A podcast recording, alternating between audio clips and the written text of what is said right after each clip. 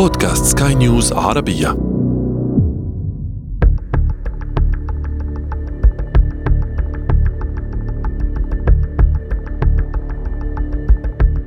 لما شنت إسرائيل الحرب على غزة في أكتوبر 2023 وقطعت الإنترنت عن القطاع تحدث إيلون ماسك صاحب شركة سبيس إكس المشغلة لستارلينك عن نيته بتزويد المنظمات الإغاثية في غزة بالإنترنت. قبل أن يتراجع لاحقا بعد زيارة لإسرائيل.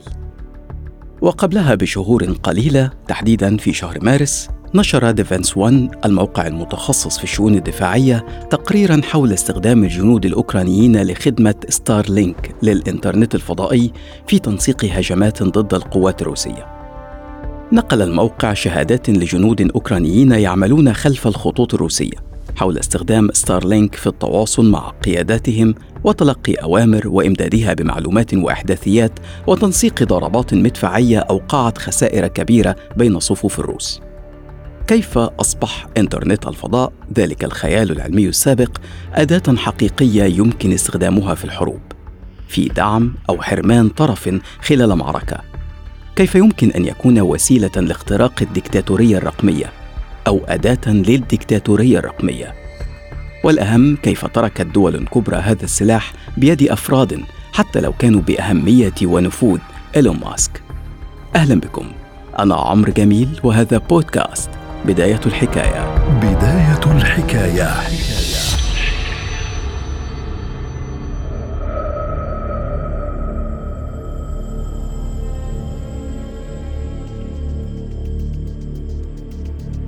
ربما نتفاجأ عندما نعرف أن إنترنت الفضاء ليس حديثا بل زامن ظهور الإنترنت نفسه.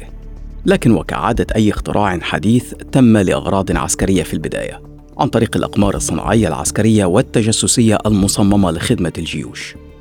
وفي التسعينيات ظهرت شركة تسمى تيلي ديسك كان لديها مشروع طموح بوضع مئات الأقمار الصناعية في مدارات منخفضة من الأرض بهدف تأمين الاتصال بالإنترنت.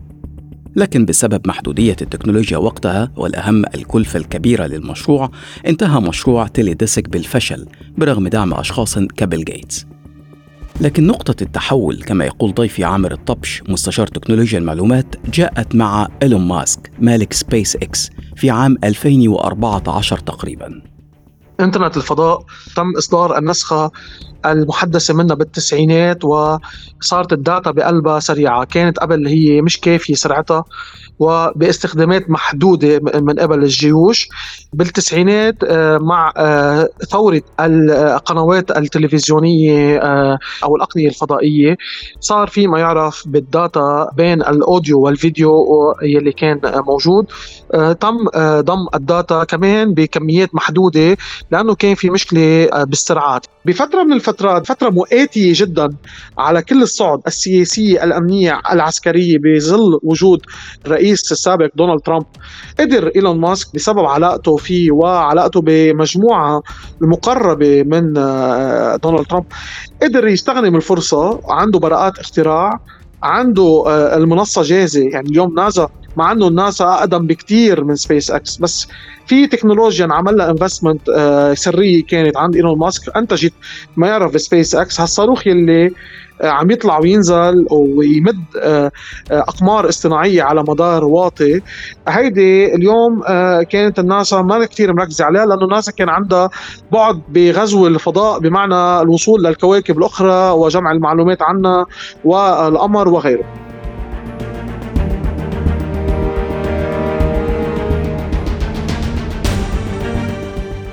وفعلا في 2019 وضعت سبيس إكس أول مجموعة من أقمارها الصناعية في مدار منخفض حول الأرض لتوفير الإنترنت فائق السرعة.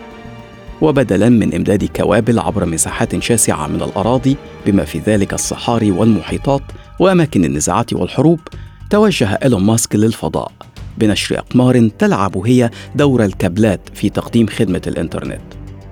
حاليا قد تعد الخدمة أكثر كلفة من الإنترنت الأرضي حيث تتكلف بالنسبة للإنترنت المنزلي أكثر بقليل من 100 دولار شهريا بخلاف 600 دولار مقابل الأجهزة لكن يتوقع أن تقل هذه الأسعار مستقبلا وذلك يعني أنه بمرور الوقت سيتمكن الأشخاص في الأماكن النائية وفي أماكن النزاعات وحتى في الدول الشمولية من اختراق كل العوائق والحصول على خدمة إنترنت تربطهم بالعالم.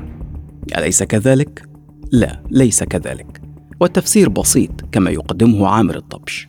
اليوم الشبكات الأرضية بأغلبية بلاد العالم بتبقى الحقوق بعض الحقوق للدول يلي هي تملك هال هالبنى التحتية هيدي حتى لو كان شركات أجنبية أه والسيطرة عليها عادة بيكون من غرف التحكم يعني بيكون في غرفة تحكم بتوقف هالإنترنت لأي سبب إن كان وشفناها بعدة مراحل بآخر 10 سنين أو آخر 15 سنة أه اليوم صارت مربوطة بشخص واحد آه وهذا الشخص قادر يفتح انترنت على منطقة أو على بلد وقادر يقطع انترنت على منطقة أو على بلد. فاليوم الحروب اللي كنا بنشوفها آه اللي هي بيتم ضرب البنى التحتية الأساسية فيها من كهرباء واتصالات هيدي الحروب آه، صارت آه، بدها تلعب كمان على النطاق السياسي مع هالشخص هيدا لأنه مثل ما صار بأوكرانيا آه، بأول مرحلة المناطق اللي كانت عم تحاول روسيا تفوت عليها ضربت فيها البنى التحتية الكهرباء والاتصالات لقطعها وعزلها عن باقي أوكرانيا.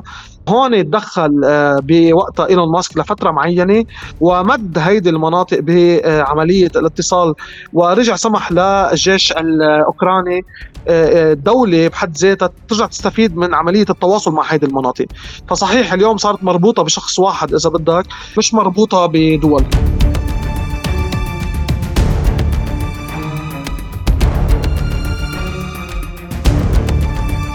يعني المفتاح الآن لم يعد فقط في يد دول بل أفراد كإيلون ماسك أو جيف بيزوس صاحب أمازون التي دخلت هي الأخرى أجواء المنافسة عبر Project Kuiper. والمنطقية أن نسأل كيف تقبل دول كبرى لديها القدرات التكنولوجية والمادية بذلك؟ دول مثل روسيا أو الصين أو الهند أو حتى الولايات المتحدة نفسها هل يمكن أن تأمن بترك مصالحها بيد أفراد أو شركات خاصة حتى لو كانت أمريكية؟ هذه الدول يلي اليوم هي منا موجودة بمعنى المدني بالفضاء كان همها بالأساس الدول الكبيرة تأمين حالها عسكريا بالفضاء وهذا اللي كان صاير. يعني اليوم آه، أمريكا ما فكروا بهذا الموضوع بشكل جدي لأنه هن عندهم البنى التحتية ببلادهم متقدمة جدا وفيها كمية نقل داتا عالية جدا وسريعة. يلي فكر بس بهذا المنطلق وهو عم يشتغل عليه حاليا كان الصيني. حتى الياباني اللي كان طلع على الفضاء ما كان عنده هالتفكير هيدا. هلأ البلاد آه، آه، عم تراجع حالها منها روسيا لأنه شافت شو أثر عليها ستارلينك بالحرب. آه، كل هيدي البلاد عم ترجع تراجع إنه هل لازم نخلي إيلون ماسك بإيده ال tool هيدي وهالسيطره هيدي؟ هل نحن لازم نوقفها؟ هل نحن لازم نمد شبكة تانية؟ لألنا هذا كله هلأ قيد البحث. يلي خلى إيلون ماسك يتراجع بأوكرانيا غير إنه صار في خلاف بينه وبين الإدارة الأمريكية وموضوع الدفع وما الدفع. وهذا كان تهديد مباشر روسي إنه آه رح يتم إسقاط كل الأقمار الصناعية اللي بتمرق بالمدار منطقة الحرب آه يلي تابعة لسبيس إكس. وهذه كانت حتكون خسارة كثير كبيرة عليه.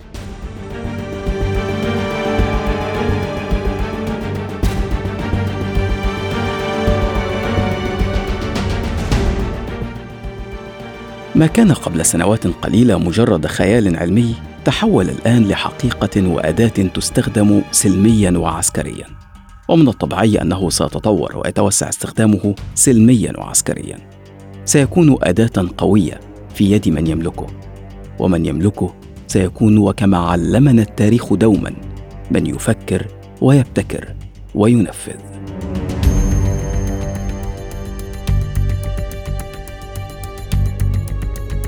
بداية الحكاية, حكاية.